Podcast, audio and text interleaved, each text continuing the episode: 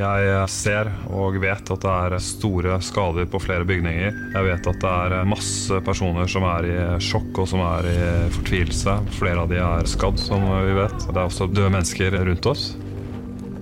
Du hører Våre historier, en podkast av Forsvaret. In extremis terrorangrep i Kabul, del to av to. Intervju, manus og fortellerstemme er ved meg, Hanne Marie Maugesten. Produksjon og lyddesign er av Jørgen Bergsund. Det lukter eh, Det er spesielle lukter på en sånn seanse som det er. Når det har gått av en så voldsom eksplosjon, så kan det både lukte krutt i området i lang, lang tid. Grovplanen er lagt, og det norske angrepslaget og CRU er klare. Jobben deres nå er å klarere seg bygg for bygg fram til de ulike stedene hvor sivile har gjemt seg, og evakuere ut så mange de klarer, fortløpende og så raskt som mulig. Terroristene som fremdeles løper rundt på området og skyter sivile, har de fullmakter til å stoppe eller nedkjempe. Det er eh, det at man har døde mennesker rundt seg her og der, bidrar selvfølgelig til at inntrykkene blir intense. Nico registrerer at tåka er blitt tettere, nå med en sikt på 25 meter. Den type ting har jeg ikke vært eh, borti før. At man kommer inn i et område hvor det er så mange personer som du har utfordringer med å skille mellom hvem som er fiende og hvem som skal reddes ut. Han skjønner at det kommer til å bli en krevende oppgave for den gjengen som nå står foran ham, angrepslaget. Og nå, i denne situasjonen, så er alle like. De har uniform og nattbriller, og for en som ikke kjenner de, så er de vanskelig å skille fra hverandre. De er et angrepslag. Men bak hjelmen og nattbrillene og de like uniformene, så er det ganske forskjellige personer. Det er jo kollegaene mine, men det er jo samtidig også vennene mine. Veldig mange av de er, Flere av de er mine nærmeste venner. Du har troppssjefen, og han blir viktig senere, så han må du huske. Det er en to meter høy nordlending med rødt skjegg.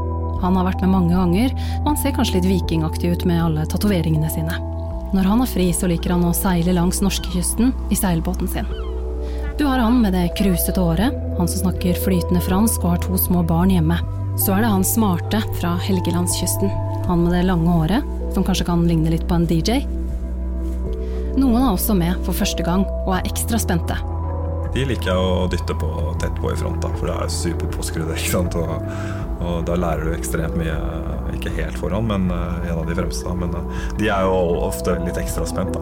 Du har combat medicen, førstehjelpsspesialisten, han du gjerne vil ha i nærheten dersom noen blir skadd. Og så er det skarpskytteren. Han er fra Østlandet, og når de har fri, så er han den som får de andre i laget til å le. En av dem er polfarer. Flere har deltatt på Norsemen. Det er utadvendte personer, det er innadvendte personer, det er praktikere og det er mer teoretikere. Så det er liksom hele spennet, og det er jo noe vi ønsker, og noe som vi ser på som en helt sentral del av eh, egenskapene, eller på en måte av det å dyrke frem gode team. Da må det være ulike ferdigheter og ulike ressurser å spille på, og det får man kun ved å på en måte ha et bredt sammensatt lag. da.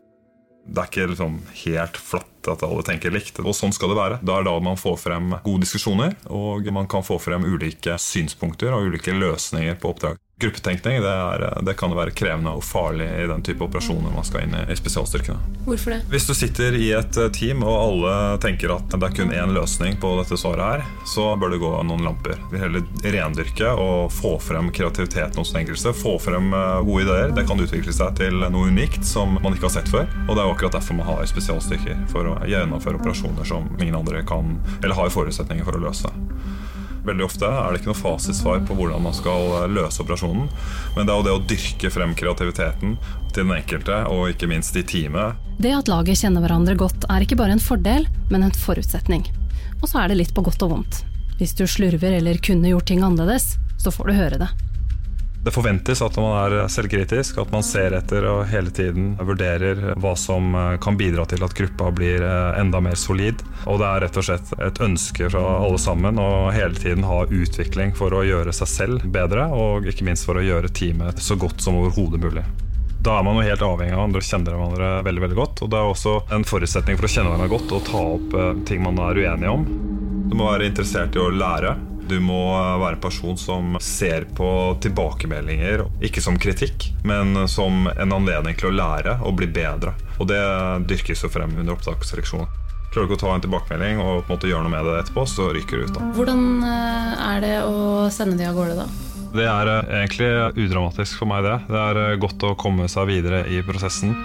Jeg vet at det er eh, utrolig dyktige mennesker, både fra mitt eget team og fra CRU, som skal nå gjøre det de er trent til i årevis. Så stor trygghet på at dette her er de beste som kan gjøre jobben, og at dette her skal gå bra. Nico gir et siste nikk til troppssjefen, nordlendingen med det røde skjegget, og så sender han angrepslaget sitt av gårde.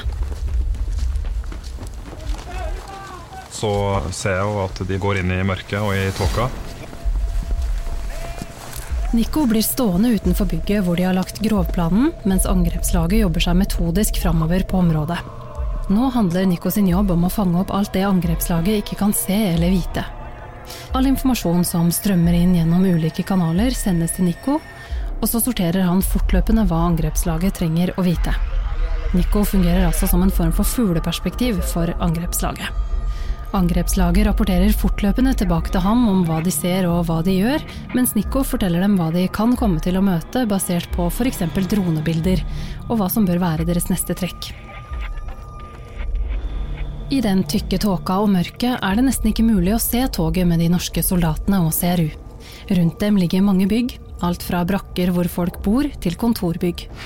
Noen av byggene er rast sammen etter eksplosjonen. Det er jo det som er ekstremt utfordrende i en sånn situasjon. Det var nattetid, når man ser gjennom sine nattbriller, som da har en helt annen oppløslighet, eller hvor du ser helt andre detaljer enn du gjør eh, på dagtid når det er lyst og fint. Og de vanskelige situasjonene lar ikke vente på seg. Fordi området som er angrepet tilhører et sikkerhetsfirma, så har noen av de sivile tilgang til våpen. Men selv om de har tilgang på våpen, så betyr ikke det at de er trent for en situasjon som denne livredde eller forvirrede mennesker med våpen kan være vel så farlige som terroristene selv. Det er klart at eh, det oppstår svært mange intense øyeblikk hvor man får øye på hverandre innenfor veldig kort avstand.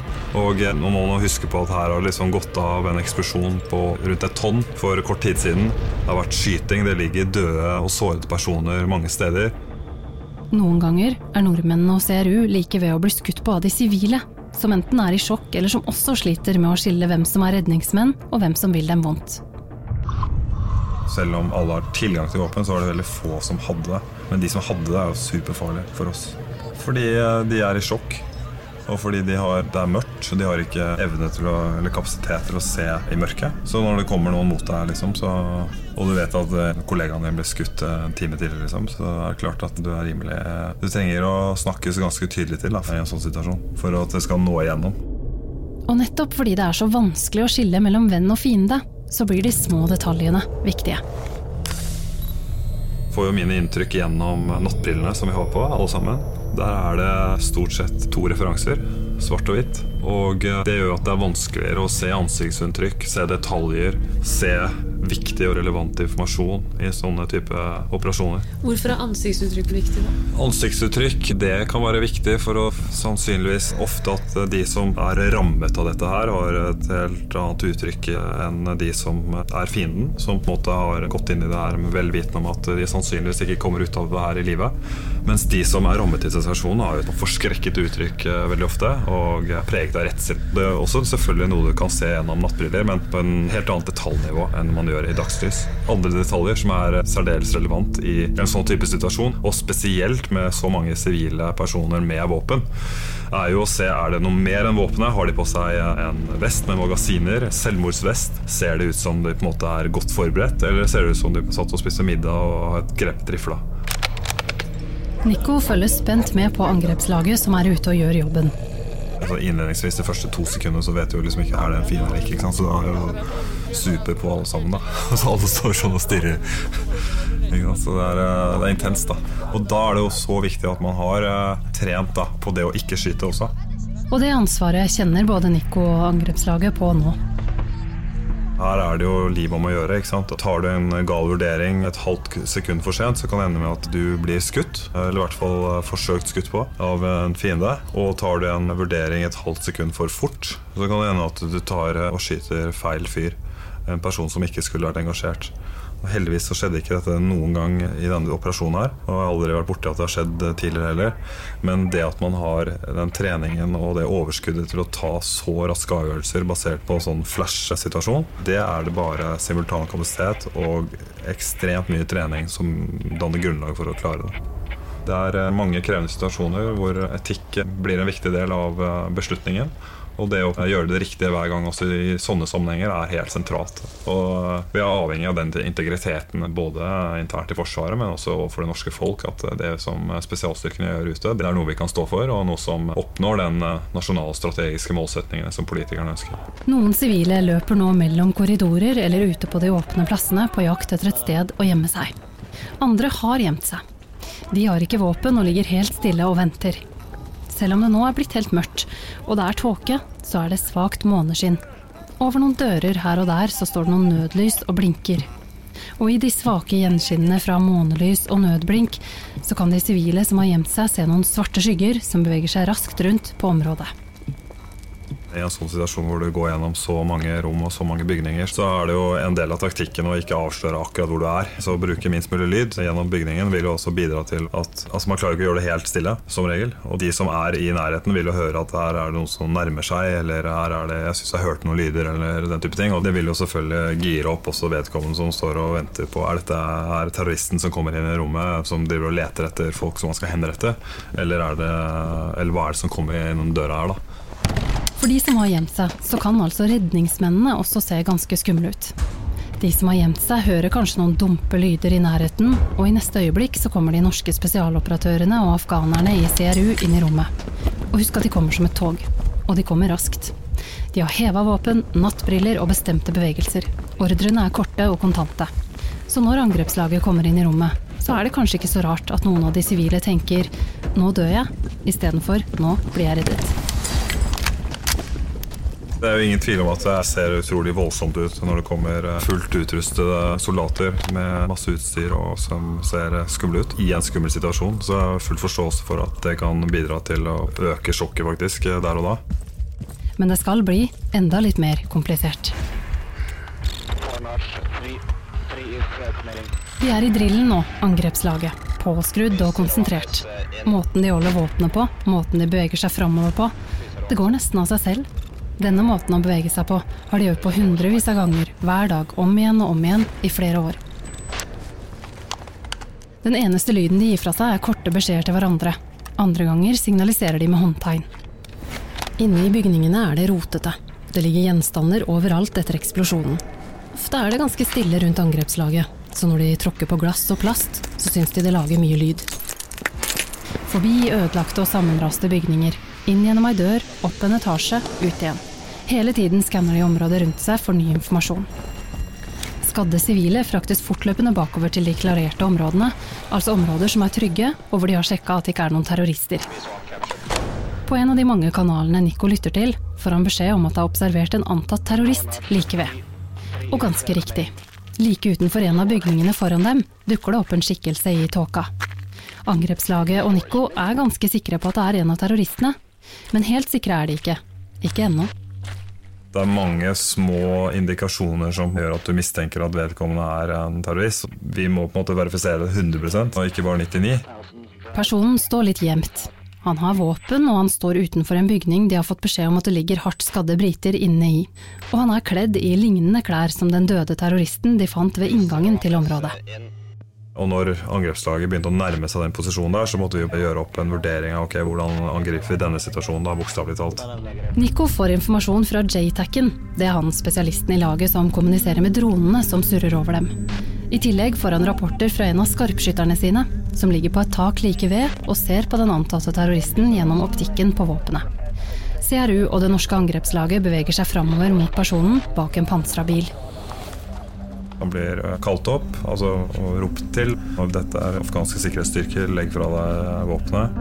Denne høsten, høsten 2018, så har IS stått for flere av terrorangrepene i Kabul.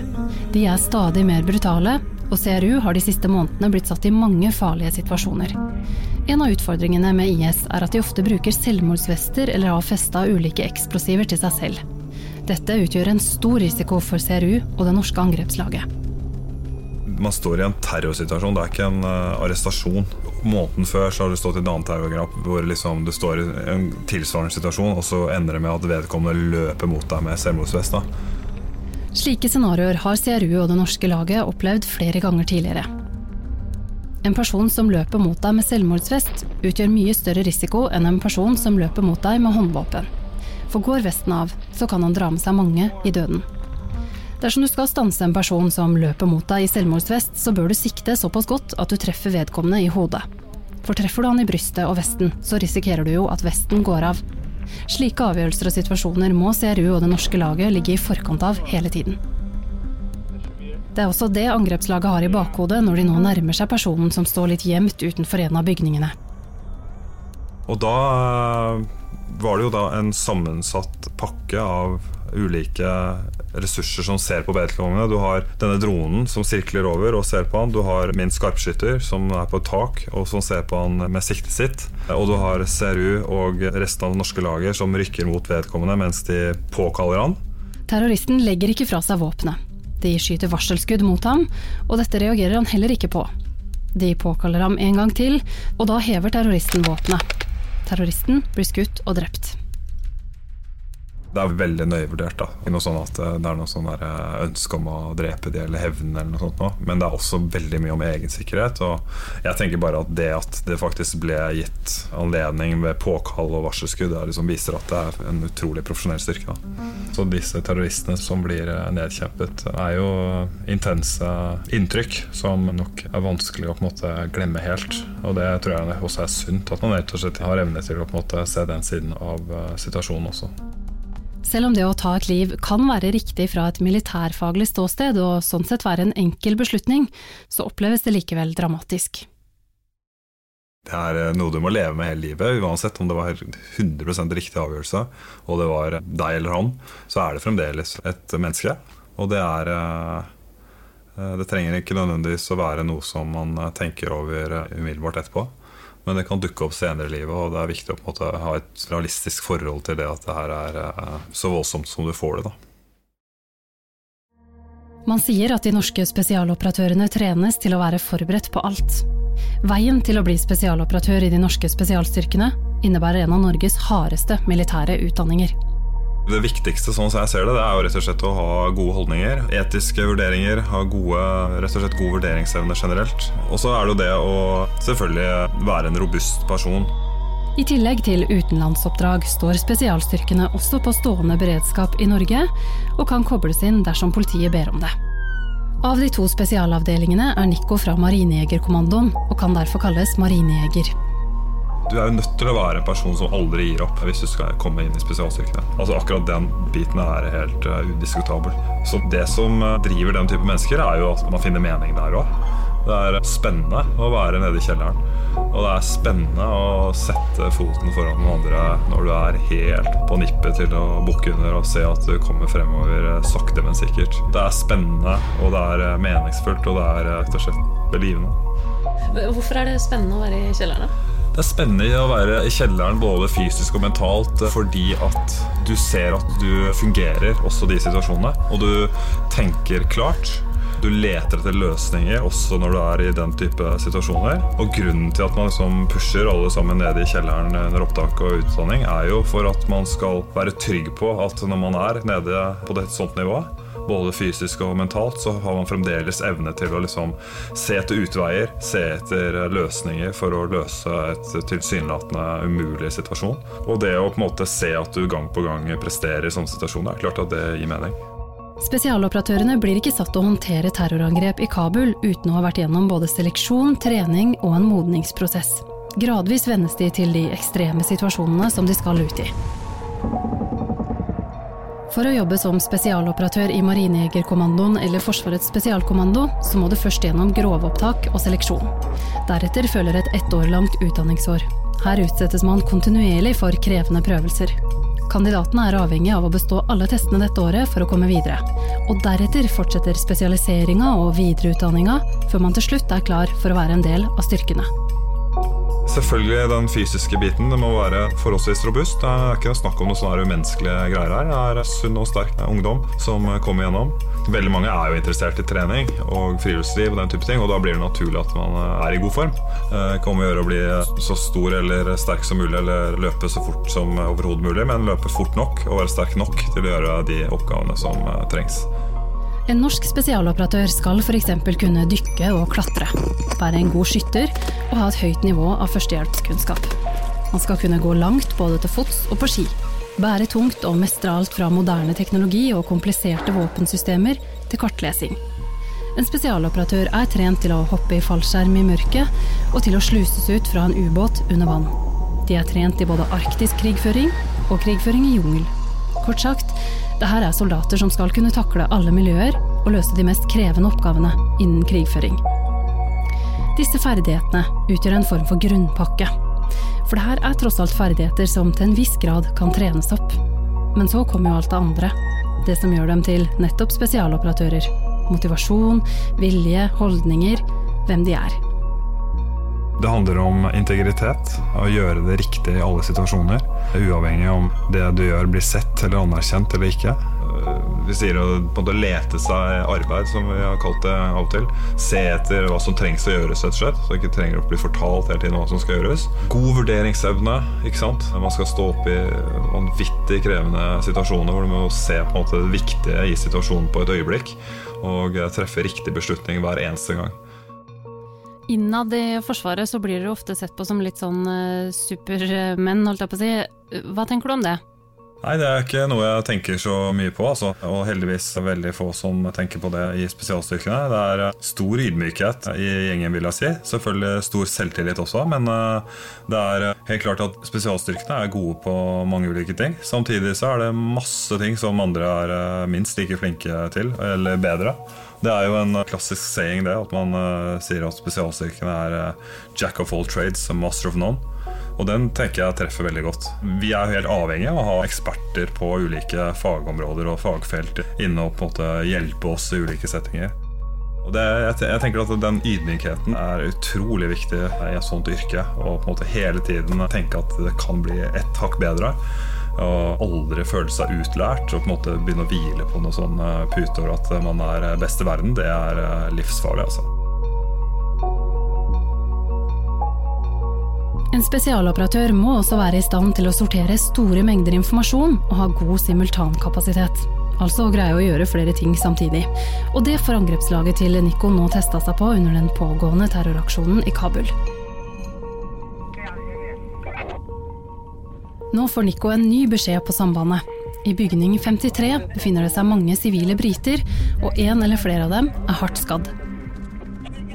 Det dreier seg om et antall på 10-15 sivile personer. En av de har skuddskade i hodet, flere av de har skuddskader i overkropp. Og det er helt tydelig at disse personene, de har skadde, må evakueres umiddelbart dersom det skal være noe sjanse for at de skal overleve. Britene har gjemt seg i andre etasje. I og med at skadene er såpass alvorlige, haster det. Minst én av britene står i fare for å dø. Men i første etasje er det rapportert om at det befinner seg én eller to terrorister. I tillegg er det flere briter rundt Nico som nå er såpass stressa at de vurderer å gå inn i situasjonen på egen hånd dersom ikke Nikos lag gjør det. Det ville bare voldet enda mer skade. Da, da har du folk som rusher inn i en situasjon uten plan, og da går det gærent. da. Hvis de skal få evakuert ut britene i andre etasje på så kort tid, så innebærer det stor risiko. For det første må de gå vekk fra å klarere på den måten de pleier, altså den tryggeste måten å gjøre det på, og for det andre så må det skje fort. Det er jo en situasjon man ikke ønsker å stå i. Midt oppi alt dette så må Nico og laget hans også ta stilling til mentoreringsrollen som de har overfor CRU-en. Fram til nå så har de afghanske spesialpolitimennene og nordmennene gått sammen. Men det Nico ber laget om å gjøre nå, det krever så høy fart og teknikk at det egentlig er helt på grensen av hva som er mulig å få til, selv for de norske spesialoperatørene som har trent i årevis. Fordi det er erklært in extremis, så setter Nico mentoreringen på pause. Et av de typiske kjernedilemmaene i mentoreringsoppdrag er jo nettopp når skal folk få prøve selv, og når trenger de hjelp.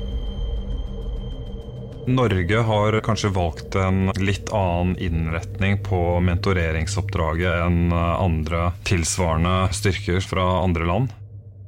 Husker du at du tidligere i episoden fikk høre at Nato kaller måten spesialstyrkene løser oppdraget med CRU-en på for the Norwegian model? Da spesialstyrkene tok på seg oppdraget med å etablere og trene opp den afghanske spesialpolititroppen for 13 år siden, så var tillit nøkkelordet. De norske spesialstyrkene tok utgangspunkt i at hvis du ikke kan stole på den som står ved siden av deg, ja, så kommer du ikke til å få til noe særlig. Vi har vært veldig tett på CRU, selvfølgelig under trening, operasjoner og øvelser. Men også fokusert på at dette ikke kun skal dreie seg om en profesjonell relasjon. Man har tilbrukt mye av tiden etter en tjeneste på hverdagene til å spise middag sammen, ta en joggetur sammen, gå en fjelltur innenfor baseområdet. Sitte rundt bålet, rett og slett bygge vennskapsbånd og bli kjent med de ulike individene i politistyrken på en helt annen måte enn man gjør under kun profesjonell trening og eh, øving. Det vakte litt oppsikt i begynnelsen. Der andre land ikke tok av seg den skuddsikre vesten sammen med de som de var mentorer for, så bestemte altså de norske styrkene seg for å spise og trene sammen med dem, og bli venner med de som de skulle mentorere. Nettopp dette har gjort at afghanerne i CRU-en stoler på nordmennene, og de norske operatørene stoler på CRU-en. Det har vært veldig få utfordringer bank i bordet så langt eh, knyttet til uenigheter eller andre potensielle friksjonsområder som andre styrker har hatt utfordringer med. Og mye av det tror jeg da skyldes det som da kalles den norske modellen i forhold til den mentoreringsoppdraget, med at man er tett på og at man har en veldig stor fokus også på kulturell awareness. Men siden nordmennene og CRU-en er gjennom så mange tøffe situasjoner sammen, kommer de tettere på hverandre enn som så. Det tyngste, syns Nico, er hvis CRU-en mister folk. Det er helt klart at Ved enkelte operasjoner så har det gått fryktelig galt, og man har kanskje flere skadde eller flere tap. Det er klart at Da ser man helt naturlig en stor dipp i moralen og motivasjonen hos eh, CRU. Og Da må jo vi også gjøre det vi kan for å holde motet oppe, ved å ja, gjøre det vi kan rett og slett for å få de opp på hesten igjen. Hvis det er snakk om skadde, så hender det at vi tar en tur bort på sykehuset der hvor vedkommende ligger. Hilser på vedkommende, tar en peptalk, viser at vi bryr oss. Viser at han er en del av den norske gjengen også, og at det her er venner som vi bryr oss om. Og det setter de veldig, veldig stor pris på. Det kan være et klapp på skuldra eller en ekstra peptalk. Hvis en CRU-politimann har mista livet, så pleier de norske operatørene å bidra, slik at det iallfall skal bli mulig for den afghanske familien å ha en verdig begravelse. For å rett og slett vise at vi bryr oss, at vi sørger med dem, og at vi ønsker å vise at vi er der i ryggen på dem, og vi er der for å kjempe mot den samme fienden. Og nå, der han nå står mellom sammenraste bygninger og tidspress, så må Nico velge hvilket lag som skal gå foran og ta den største risikoen. Er det afghanerne som de er mentorer for, eller er det den gjengen han har med seg fra Norge? I den situasjonen der så blir det klart for meg at dette her må skje så raskt som overhodet mulig, altså uten tap av tid. Og da er det beste vi kan gjøre, og eh, som vi også har fått tillatelse til gjennom In Extremis-situasjonen, det er å gjøre dette på egen hånd. Teamet mitt er superdrilla, er klar over risikoen som det involverer ved å ta en sånn manøver. Og i en sånn situasjon så er det også best å være færrest mulig. Ikke færrest mulig, men altså ikke være så mange som det ville vært hvis vi skulle tatt med hele gjengen. Det ville tatt tid å forklare den neste manøveren via tolk osv. til afghanerne, til CRU. Det ville rett og slett tatt flere minutter, og det var de minuttene vi hadde på oss eh, for å få vedkommende ut, for å redde livet på vedkommende. Og dermed blir det et temposkifte. Nico gir ordre om at det norske angrepslaget skal gå i front og få britene ut uten tap av tid. Og når norske marinejegere gjør noe uten tap av tid, ja, da går det fort uten tap av tid, det betyr eh, så fort som du får det til, rett og slett. Og det ble også iverksatt. Husker du toget som du fikk høre om tidligere i episoden? Det må du se for deg nå.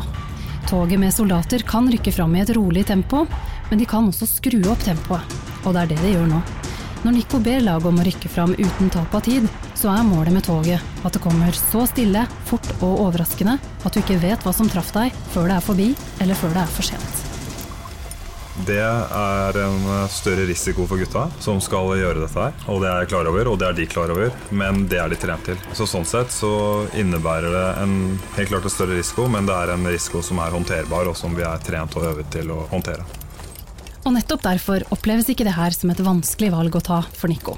Man ønsker jo ikke å utsette angrepslaget sitt for eh, større risiko enn det som man tenker er normalt. Samtidig så tenker jeg at det er en stor forventning og en stor plikt å gjøre det man kan for å begrense skadene og for å redde ut liv. Så egentlig så er valget veldig enkelt. Her er det rett og slett å trå til og gjøre det man har trent til. Man er der for å redde livene til eh, de menneskene der, sånn at det føles meningsfylt. CRU og det norske angrepslaget splitter derfor opp og skiller lag. Soldatene i det norske angrepslaget fortsetter nå alene i front mot bygningen hvor britene befinner seg. Vanligvis ville de rykket framover på en sånn måte at de har sjekka at de ikke har noen fiender bak seg eller på flankene. Det har de ikke tid til nå, så uten tap av tid-ordren innebærer altså at de beveger seg framover med farer i 360 grader rundt seg.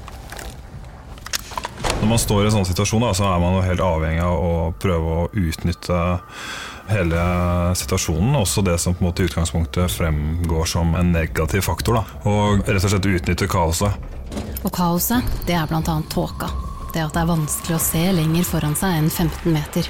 Men det er jo også et problem for terroristene, tenker Nico. Og det at det ligger et sånt tåkeslør gjennom hele campen, det betyr jo noe, helt klart. Og eh, det må man prøve å snu til sin fordel. Da. Angrepslaget til Nico rykker derfor framover i skjul av tåka, noe som gir samme effekt som å bruke røykgranater. Hva er det som på en måte kan brukes til din fordel hele veien? Da? Det må man bare tenke. Og ikke på en måte hele tiden lete etter hva som skulle vært bedre eller annerledes i en optimal situasjon. Så kan det godt hende at den situasjonen du står i faktisk er ganske gunstig, da, når du faktisk summerer opp i ettertid. Så kunne det godt hende at akkurat det at det var tåke, eh, og at den var så tykk, gjorde at vi kunne gjøre en sånn manøver uten å på en måte risikere mer enn nødvendig. På vei bort til bygningen med britene så dukker det opp en annen situasjon som angrepslaget må ta stilling til. Like ved bygningen de skal inn i, ligger det nemlig en kjeller, og der er det også mange sivile som har gjemt seg. De roper om hjelp. Vi får på en måte ikke sett på det noe mer enn at ok, her er en bunker, og der er det masse folk, og så må vi se på det etterpå. Troppssjefen i angrepslaget, han nordlendingen med det røde skjegget, stopper opp noen sekunder. Også i denne kjelleren er det flere som er hardt skadd. Angrepslaget har egentlig ikke tid til å sikre og redde ut de sivile i denne kjelleren, hvis de også skal rekke å redde de hardest skadde i den andre bygningen 20 meter unna. Men eh, troppssjefen synes ikke han kan etterlate de sivile i kjelleren til seg selv i en såpass uavklart situasjon. Området er ikke sikra, så her kan det potensielt komme en selvmordsbomber eller bevæpna terrorist for å skade de som er i denne kjelleren. Troppssjefen gir derfor angrepslaget ordre om å fortsette til bygningen med de hardest skadde 20 meter lenger fram, og så blir han selv stående igjen og vokte nedgangen til kjelleren. Skulle en av terroristene dukke opp her, så må de først forbi en to meter høy norsk marinejeger med åtte utstasjoneringer til Kabul bak seg. Han gjør en helt riktig taktisk vurdering, mens resten av angrepslaget toger forbi og setter fart som planlagt opp til disse britene. Det norske angrepslaget kommer seg inn i bygning 53 og raskt opp i andre etasje. CRU ligger nå et hakk bak og jobber med å sikre bygningene i området rundt. Nå begynner evakueringen av de hardt og livstruende skadde. Da er det jo rett og slett å få de sivile med seg ut så fort som, som mulig. Og da er det egentlig kun eh, fokus på å få stanset eh, pågående blødninger. Det er det eneste. Bare sørge for at ikke de blør ut. Og så eh, frakte de ut så fort som mulig. Bare på den mest praktiske måten som man kan gjøre det. Så ned trappen og så tilbake igjen mot min posisjon. Laget til Nico får tømt andre etasjen for sivile via en trapp som går på utsiden av bygget. De er ganske utsatt når de går ned trappa, med de sivile og med farer i 360 grader rundt seg. Det er jo klart at Når man eh, har såpass dårlig tid som man har der, og det er såpass kritisk, så er det jo selvfølgelig mer utsatt for gjengen å få de bakover mot min posisjon. Og man er jo mye mindre mobil når man har med seg eh, sivile personer, og noen av de er skadd. Og det utgjør selvfølgelig eh, enda større risiko på veien ned fra området der når man har med seg de her sivile. Men det har vi jo trent på, og det er vi klar over, og da posisjonerer man seg på en måte som reduserer den faren så godt man kan. De får tømt andre etasjen for sivile raskt og uten å bli skutt på. Men de er ikke ferdig. For det er jo også kjelleren, den som troppssjefen vokter nedgangen til. Her viser det seg at det også er flere livstruende skadde sivile. Da er det på en måte en ny runde, da, og da utsetter de seg for fare nok en gang. Men det var helt nødvendig, og der var det også hardt skadde mennesker som vi da fikk evakuert i, i samme runde. Det har gått et par minutter. Troppssjefen, han som vokter inngangen til kjelleren, husker at han tenkte at det er mye folk der, og at mange er urolige og redde. Han og Nico bestemmer at de må prioritere de hardest skadde først.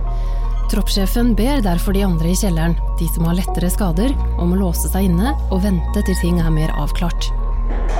Vi har jo eh, trent eh, på sånne ting eh, før, og vi har også gjort det skarpt ved andre anledninger. Men det her var jo selvfølgelig en svært dramatisk situasjon. Så, så kjenner jeg jo selvfølgelig at jeg ble veldig stolt av den innsatsen som de gjorde. I kjelleren er lettelsen stor blant de skadde. En av de sivile, en litt stor og kraftig kar, stormer mot troppssjefen. Troppssjefen tror nesten han skal bli angrepet av den kraftige karen, men isteden får han et vått kyss på kinnet. Når de skadde sivile, både de i andre etasjen og de i kjelleren, er frakta bakover mot posisjonen til Nico, samler CRU og det norske angrepslaget seg. Sammen går de nå løs på første etasjen. Og etterretningen viser seg å stemme. En av terroristene befinner seg i denne etasjen. Da vi fortsatte å klarere første etasjen på denne samme bygningen, så oppsto det ved et øyeblikk en skuddveksling mellom oss og en forskanset terrorist. Ja, Der ligger det altså en terrorist bak i en halvåpen dør og skyter mot uh, oss og Serru. Og det er jo på klosshold. Og uh, dette er jo selvfølgelig superkritisk. Altså, det er jo på umiddelbar avstand. Vi snakker fem meter. Og da er det jo rett og slett kun uh, den taktikken og de prosedyrene som du har trent på i årevis, som sørger for at ting ikke går gærent i den innledende situasjonen. Det norske angrepslaget og CRU forsøker å klarere rommet fra utsiden uten å gå inn i rommet. Men da begynner terroristen igjen å skyte mot CRU og nordmennene. Hadde man bare gått inn i rommet der, så hadde man altså blitt truffet med en gang. Og nå går alt på sekunder. CRU og angrepslaget roper igjen at de er afghanske sikkerhetsstyrker, og at terroristen skal legge fra seg våpenet. Det gjør han ikke, så CRU og det norske angrepslaget skyter tilbake. Troppssjefen, han med det røde skjegget, skjønner raskt hva som er den beste måten å få tilbake overtaket på. Han troppssjefen bare vurderer ok, hvordan få ild på han her. Og det er bare alltid liksom første tanken. da. Troppssjefen gir derfor ordre til de som står utenfor bygget, om å hive inn en håndgranat i vinduet nært terroristen. Dette gjør at vi klarer å gjenvinne initiativet igjen, og at eh, vedkommende ble nedkjempet eh, umiddelbart etterpå det her skjer jo så fort. Sånn at alle disse tingene skjer jo parallelt. Så er det jo ikke sånn at man sitter og vurderer én ting, og så ok, greit, den er good, og så neste good. Det er jo veldig mye refleks òg, og du forstår at Det kan være så enkelt at du hører på smellet på våpenet at det er ikke et vestlig våpen. Altså, sånn, det er jo ting som sitter i ryggmargen. Sånn at det bare går på et blunk. da det er heldigvis veldig sjelden at man kommer i sånne situasjoner. Selvfølgelig er det uunngåelig også til tider, men de aller fleste gangene man gjennomfører operasjoner, så er det altså snakk om å gjennomføre oppdrag på sånn måte at du slipper å komme i sånne situasjoner. rett og slett. Da er det å bruke overraskelse og initiativ, hurtighet, kreativitet i oppdragsplanleggingen som sørger for at når vi går inn på et mål, f.eks., så blir vedkommende satt i en situasjon som gjør det umulig for ham å gjennomføre et trekk som ender med at man må skyte seg ut av situasjonen eller på andre måter starte et engasjement. Da. Men i denne situasjonen så begynte jo terroristen å skyte på kloss hold, og da er det ikke lenger snakk om å ikke bruke våpen. Det at jeg sier det så tydelig i den situasjonen her, det kan jo være kanskje litt eh, brutalt å høre. Men dette her er jo jobben vår. altså I dette situasjonen her så er det å stanse terrorangrepet og sørge for at de sivile på området kommer seg i sikkerhet så fort som mulig.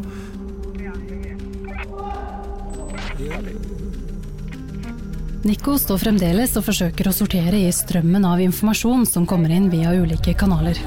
Han har på seg hørselvern med innebygd samband, hvor han får inn meldinger fra flere kanaler på det ene øret og fra angrepslaget på det andre. Det er ganske mange ledd som skal koordineres samtidig. Nico holder nå kontakt med ambulansene og støtteelementene, med den britiske ambassaden, med CRU og med operasjonssentralen. Samtidig får han informasjon fra ulike ISR-plattformer, dvs. Si droner og andre overvåkningssystemer. Jeg har faktisk en blokk jeg kan skrive opp hvis det er noe helt spesielt. Men jeg sitter egentlig bare og lytter og så gir eh, direksjoner. Nico står sammen med en annen erfaren operatør fra laget. Det er en lun og rolig bergenser som fungerer som Nicos rådgiver, såkalt chief. Han har bl.a. fått medaljen Bronze Star av amerikanerne for å ha vist ansvar og stort mot i flere operasjoner. Det er den høyeste utmerkelsen USA kan gi til en utenlandsk statsborger. Som andre ord, det her er en fyr det er bra å ha med på laget når det drar seg til. Nå hjelper chiefen Nico med å koordinere det som skjer bakover, og holde kontakt med ambulansene. Vanskelige avveielser gjennom eh, natta her må du jo ta hele tiden. Du må raskt avklare hvem som må bli igjen utenfor camp. Hvem er det som er lurest å ha her? Du må ta ikke minst en rekke vurderinger basert på den konstante informasjonstilfanget som du får via sambandskanalene inn på øret, om ulike forhold som er av betydning, og en rekke forhold som bare er støy. Og det å på en måte filtrere ut det som er relevant og det som er viktig, både for meg selv, men i forhold til angrepsteamet som er ute og gjør den mest utsatte jobben, det var eh, utfordringer som pågikk hele natta. Tre av terroristene er nå bekreftet døde, men det er rapportert om flere. Fremdeles er det flere sivile som ikke har blitt gjort rede for. Ambulansene de er ikke alltid komfortable med å komme inn på sånne områder. Fordi de, ja, det er rett og slett utrygt hvis man ikke har det støtteelementet rundt seg. Sånn som i dette tilfellet her. Nå har ambulansene til slutt sagt ja til å kjøre fram til det stedet de fire nordmennene har klarert, slik at den videre evakueringen av de hardest skadde kan komme skikkelig i gang.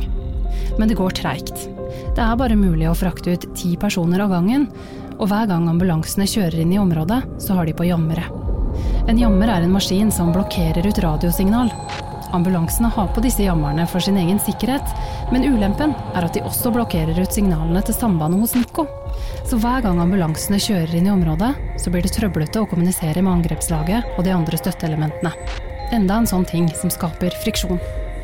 Og det er klart at I en sånn situasjon hvor folk er, eh, har skuddskader på, eh, ja, i overkropp og på dødelige områder, da, veldig potensielt dødelige områder, så kan det utgjøre forskjellen på liv og død. Uten tvil. Nico går litt inn og ut av bygget og får øye på en av bilene som britene har kjørt fram. Han kommer på at det kanskje kan ligge en kryptert PC der, og det gjør det. Da var det bare å tenke kreativt. Altså, okay, kan, den PC-en fungerer jo opp til hovedkvarteret, og hovedkvarteret kan snakke ned til mitt kvarter. Og så må vi på en måte bare få det til å funke i de periodene hvor det ikke er dekning. Da. Sånn at da var det egentlig bare å begynne å skrive, det. Og så bare 'hallo, dette er eh, Nico'. Og så bare OK, hva gjør du her? Og nei, jeg har tatt over den PC-en her, står uvoktet, bla, bla, bla. Men du må videreformidle til min liaisonoffiser, for jeg hadde en norsk i det hovedkvarteret, for å kunne liksom samkjøre innsatsene. Funka det? Ja, det gjorde det. Man må jo gjøre alt man kan her for å unngå at eh, man eh, bruker for mye tid på de ulike fasene. Så hvis man klarer å knipe inn et minutt her og to minutter der og fem minutter der, så blir det veldig mye totalt sett. da. Og det kan jo bety eh, rett og slett liv og dør da, for de som er hardest rammet av dette her. Klokka er nå blitt ti over elleve på kvelden. Nico går litt inn og ut av bygget mens han lytter på de ulike nettene og gir beskjed om hva som skal skje videre. I bygget er det noen med skader som får enkel førstehjelp mens de venter på evakuering. De som er omkommet, pakkes inn og tildekkes. Nico merker ikke timene på kroppen. Ikke ennå. Akkurat som operatørene i toget, så er også han påskrudd. Alt fokus går med til å sortere ut informasjonen, ta avgjørelser og planlegge framover. Men så skjer det noe. Han har sett det før, men det gjør liksom inntrykk hver gang likevel. For der kommer angrepslaget hans tilbake, med de hardest skadde britene. De kommer, det ser brutalt ut. De har blødende skader, har fått bandasje på de verste, men du ser at det her har vært hard medfart. da. De kommer i én flokk, angrepslaget og de skadde. Fordi området ikke er trygt, så har de norske soldatene laga en 360 graders sikring rundt de sårede. Så når de dukker opp gjennom tåka, så kommer de i en sirkel soldatene som beskyttelse rundt, og de skadde i midten. Soldatene forrest i sirkelen følger med på eventuelle trusler fremfor dem. Andre følger med på flankene. Soldatene i den bakerste delen av sirkelen rygger baklengs med våpenet hevet bakover i tåka. Etter hvert som de nærmer seg, så kan Nico også skjelne de skadde inne i soldatringen. Troppssjefen, han med det røde skjegget, og en av de andre soldatene bærer briten som er hardest skadd, mellom seg. De med lettere skader støttes, noen går selv. Spesielt han som var hardest skadd, som hadde skuddskade i hodet. Og så var det en som også hadde skuddskade i buk og rygg. Og flere andre mindre skuddskader i hånd og i armer og bein. Var selvfølgelig veldig lettet over at vi hadde klart å få dem til denne posisjonen her, hvor jeg sto, og at jeg kunne se det med egne øyne. Ok, da har vi kommet så langt, og jeg vet at alle sammen foreløpig er i live, og at det da er forholdsvis gode odds for at dette her kan ende godt. Også veldig stolt sant, over å kunne utgjøre en så stor forskjell sammen med hele teamet altså, i en så dramatisk situasjon for sivile personer. Det gjør en glad å se at man lykkes, og at den risikoen man tok, var verdt det. Nico har sett hardt skadde personer mange ganger før, og det er heller ikke første gang laget hans evakuerer ut sivile. Likevel så er det et sekund eller to der som rykker han litt ut av den oppdragsfokuserte bobla. Det gjør inntrykk, men på en god måte. Én ting er skadene, men kontrasten mellom de alvorlige og konsentrerte soldatene og de sivile som nettopp er blitt redda, er også ganske stor. Jeg så ikke så nøye på ansiktene til gutta i laget heller, men en anerkjennende nikk til de som jeg møtte blikket til. Men det trengs ikke å sies så mye i en sånn situasjon. Det er bare hva som skal skje neste, og hva som skal til for å redde liv. Mens de sivile har en helt annen reaksjon.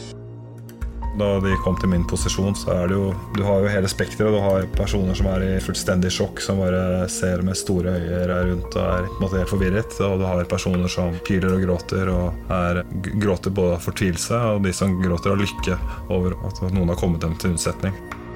Han har tenkt litt på det, hvor forskjellig situasjonen er for de som har trent på det, og for de sivile som bare er blitt kasta ut i det uten forberedelse. For en sivil person som opplever å ha blitt utsatt for en sånn terroraksjon og en enorm eksplosjon som har gått av i umiddelbar nærhet, kanskje revet i stykker bygningen du satt i, fått et stort både fysisk og mentalt sjokk.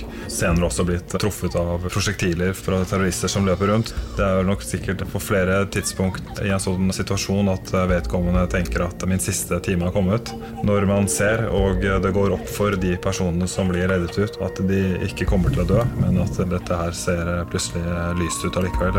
Man, man kommer seg ut levende. Jeg kan nok få tilbake veldig mange av de ansiktsuttrykkene som man har sett når eh, de skjønner at hjelpen kommer. da. De hardest skadde fraktes bakover så fort det lar seg gjøre mot oppsamlingsplassen for ambulansene.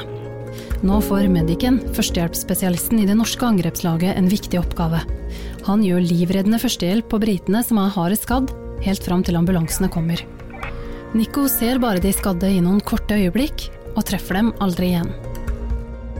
Det der var en dramatisk situasjon, og i hvert fall de som ble reddet ut i akkurat denne situasjonen her, de vil jo aldri selvfølgelig glemme det, og det vil prege livet deres helt til slutten. Og det at man aldri får på en måte hilst på vedkommende eller sett de som var involvert eh, senere, har jeg reflektert over mange ganger. At det kunne vært morsomt å tatt en prat med de en gang, og på en måte høre deres eh, opplevelser av situasjonen sett hverandre i øya ordentlig. En rolig kopp kaffe. bare lurer på Har de familie? Altså bare alt mulig rart. Hva slags mennesker er det? Men selv om det gjør inntrykk å se de man redder ut, så er det her tross alt bare noen sekunder eller minutter i løpet av en flere timer lang operasjon. Så snart de skadde er evakuert, må han tenke på neste trekk, og da er det tilbake til fokuset og bobla og bryteren. Men så fortsetter jo dette her. ikke sant? Vi er jo ikke i nærheten av å være halvveis gjennom situasjonene heller. Og vi skal kanskje gjennom potensielt enda mer krevende situasjoner senere i operasjonen. Så det er ikke noe sånn å hvile på laurbærene her. Det er eh, ok, ferdig med den situasjonen der. Ok, what's next? Og så legge plan for det. Det er først når alle de sivile er blitt gjort rede for og de begynner å få kontroll på situasjonen, at de også begynner å kjenne timene på kroppen. Nå starter en storstilt redningsaksjon, hvor de også kan begynne å evakuere ut de som har lettere skader. Det er ti og ti personer av gangen. Og når man da går tilbake til en litt mer tilbaketrukket rolle, så er det klart at du kommer i en litt mer sånn utmattende fase, og du kjenner egentlig hvor anspent og hvor intenst de siste timene har vært. De har holdt på hele natta, og selv om situasjonen er under kontroll, er de ikke ferdige. Samtidig så er jo det egentlig noe du bare merker deg, og så er det jo å holde trykket oppe og fokuset på riktig sted til man er tilbake igjen i camp og kan være helt trygg på at man ikke er utsatt for noe risiko lenger. De to siste terroristene blir lokalisert og nedkjempa klokka ti på halv fire på natta. Det er gått elleve timer, og klokka er blitt ti over seks om morgenen når det norske laget endelig kan rulle tilbake til campen. Og da kommer det her med bryteren inn igjen. Når man kommer tilbake til camp, så er det selvfølgelig, da kan man skru av bryteren, men det betyr ikke at vi er ferdige. Operasjonen er ferdig, men rutinene fortsetter. Det er uh... Rutiner er alt fra debrief til rapportskriving, og til å gå over og sjekke alt utstyret. Så det er også en eh, viktig del av det. Å få seg mat. Sørge for at alt er 100 eh, klart til en ny utrykning. Det kan jo skje umiddelbart. At det oppstår en ny situasjon et helt annet sted, og så må vi rykke ut med en gang. Og så prøver de å skru av bryteren. Man kan ikke gå rundt og være så anspent og fokusert og så påskrudd da, som man er i operasjoner 24-7 i en deployering. da blir man utbrent på svært kort tid. Så det å ha evnen til å skru av bryteren, som vi kaller det, det gjør jo at du sover godt. At du får hentet deg tilbake. Ja, hentet eh, kroppen tilbake både fysisk og mentalt. Du får restituert deg, rett og slett. Og det går bra. Til sammen redder CRU og nordmennene ut 234 personer fra området. Av disse er 31 skadd. Man er sliten etter en sånn dag, en sånn operasjon. Og det er jo mange inntrykk som skal bearbeides, både sammen med laget i ettertid og for en selv også. Er en, det er en selvkritisk gjeng, så man vil jo alltid se på hva man kunne gjort bedre. Og det blir nedtegnet i detalj i hva som man eventuelt kan trene mer på. Og man er mentalt selvfølgelig også utmattet etter å ja, ha tatt den type vurderinger og risiko over lengre tid. Da. En drøy uke senere dumper det ned et brev i postkassen til den norske ambassaden i Kabul. Det er et takkebrev fra den britiske ambassaden. Hele aksjonen pågår i over elleve timer. Seks forbipasserende mister livet under den innledende eksplosjonen. Fem sivile mister livet underveis i selve angrepet. Ingen av de fem terroristene overlever. En av terroristene var allerede død da styrkene kom til området. De fire andre terroristene blir nedkjempet av CRU og det norske angrepslaget. Jeg tror at sterke inntrykk, både de gode og dårlige, eller de mindre gode opplevelsene, summen av det bidrar til at du føler deg mer til stede i ditt eget liv enn det sannsynligvis mange ville gjort dersom vi hadde valgt et tradisjonelt yrke som innebar en mer harmonisk og eh, tradisjonell hverdag.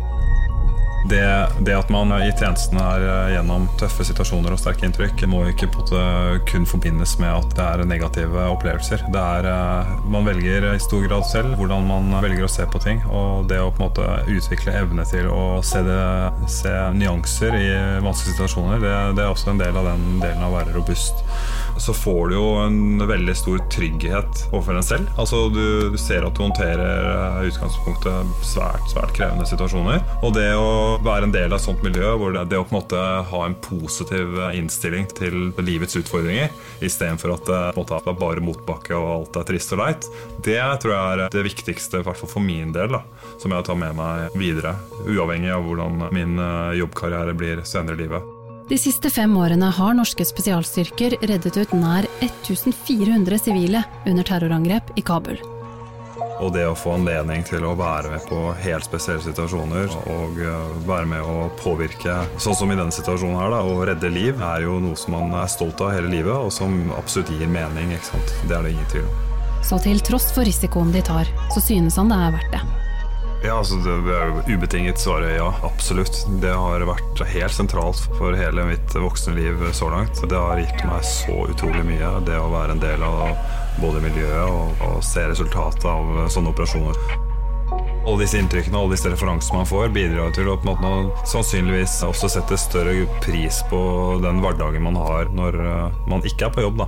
Og se hvor godt man har det, og eh, hvor heldige vi er da, som lever i et eh, sånn type samfunn som vi gjør. Når man har vært ute og reist en del i verden og ser hvor forferdelige ting er stelt i mange steder, og ikke minst de stedene hvor det er krig og elendighet, så setter jo ting veldig perspektiv, og det på måte hjelper deg til å eller bidrar til da, å sette større pris på hverdagen her hjemme og det samfunnet som vi har i Norge, da, hvor heldige vi er som har det. Fra sommeren 2018 og fram til januar rykket Nico og resten av det norske laget hans ut på fem terrorangrep i Kabul. At de er et lag, er det som gjør at de lykkes, tror Nico. Det sitter masse helter også bak i operasjonsrom og i hele støtteapparatet som gjennom hele natta bidrar her til at vi får den informasjonen vi trenger, og at den kommer tidsriktig. I tillegg til de fem terrorangrepene de rykket ut til, gjennomførte de også et tjuetalls forhåndsplanlagte operasjoner sammen med CRU. Det er jo et enormt potensial man kan få ut av en gjeng hvis alle drar i samme retning.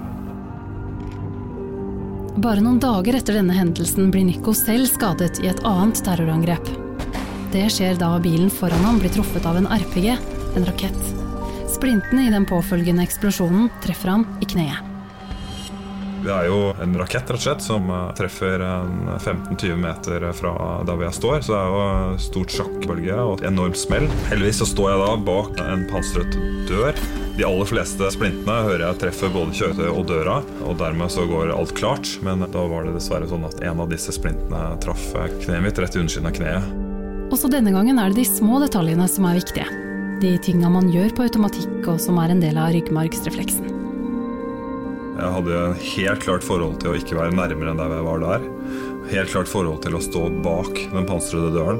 Jeg hadde til og med satt høyrebeinet mitt over det venstre beinet mitt for å kunne eksponere så lite som mulig av beina mine under dørkarmen. Det var jo ting som jeg bare gjorde automatisk. Så det er ikke noe sånn at jeg står og analyserer dette her veldig grundig i situasjonen. Det er ting du ser på et øyeblikk, og som du rett og slett har i kroppen.